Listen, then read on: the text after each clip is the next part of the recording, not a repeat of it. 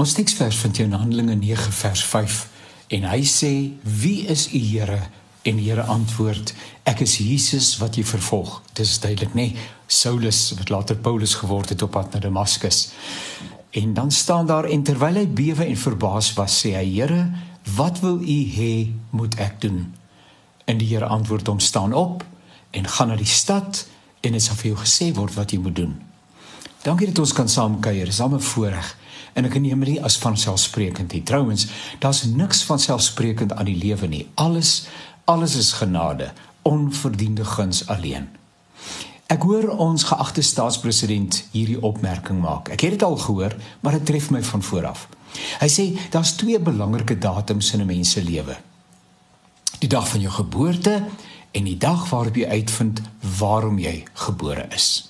Nou, die eerste lê buite 'n mens se eie besluitneming en beplanning. Dis 'n gegewe en as kinders van die Here bely ons dat hy alles daarmee te doen het. Maar die tweede egter kom as 'n opdrag.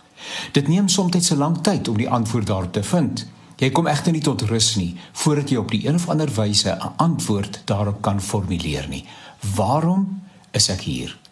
Daar's generiese antwoorde wat op almal van toepassing is. Antwoorde soos ek is hier om die Here te verheerlik. Dis baie mooi, maar maar wat beteken dit? Of ek is hier om 'n verskil te maak. Nou, dis ook al nader aan 'n werkbare antwoord, maar weer 'n keer wat beteken dit? Waar, hoe en wanneer? Nog meer is dit.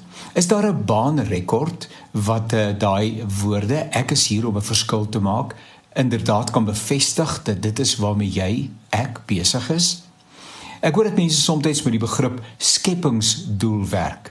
Dis effens vreemd aan my woorde skat, maar is 'n goeie vertrekpunt.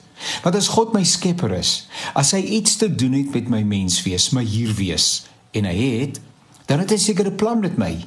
Heel prakties onderskei 'n mens eers wat gedoen moet word en dan soek jy tog iemand om dit uit te voer. Nou, wat sou God in gedagte gehad het toe hy aan jou beslag gegee het. Watter taak het daar in God se lewe, sit se hart geleef wat 'n uh, 'n uh, aandag moet verdien? En toe te besluit jy is deel vir die antwoord vir daardie bepaalde opdrag. Efesiërs leer dat hy reeds voor die skepping van die wêreld beplan het dat ek en jy op die aarde ontplooi sal word. Jy is in hierdie tydsgewrig nê in jou gemeenskap konteks met jou gawes. En die vraag is dus hoe is jy besig om daarin uitdrukking te gee? As 'n mens eers 'n antwoord gevind het op hierdie vraag en inderdaad daarmee besig raak, bring dit merkwaardige vervulling en tevredenheid.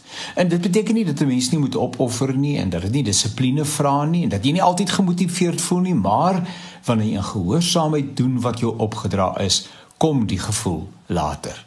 Uiteindelik wil elkeen van ons hoor mooi so goeie en getroue dienskneg, diensmaagd nê? Nee, oor weinig was jy getrou, oor veel sal ek jou aanstel.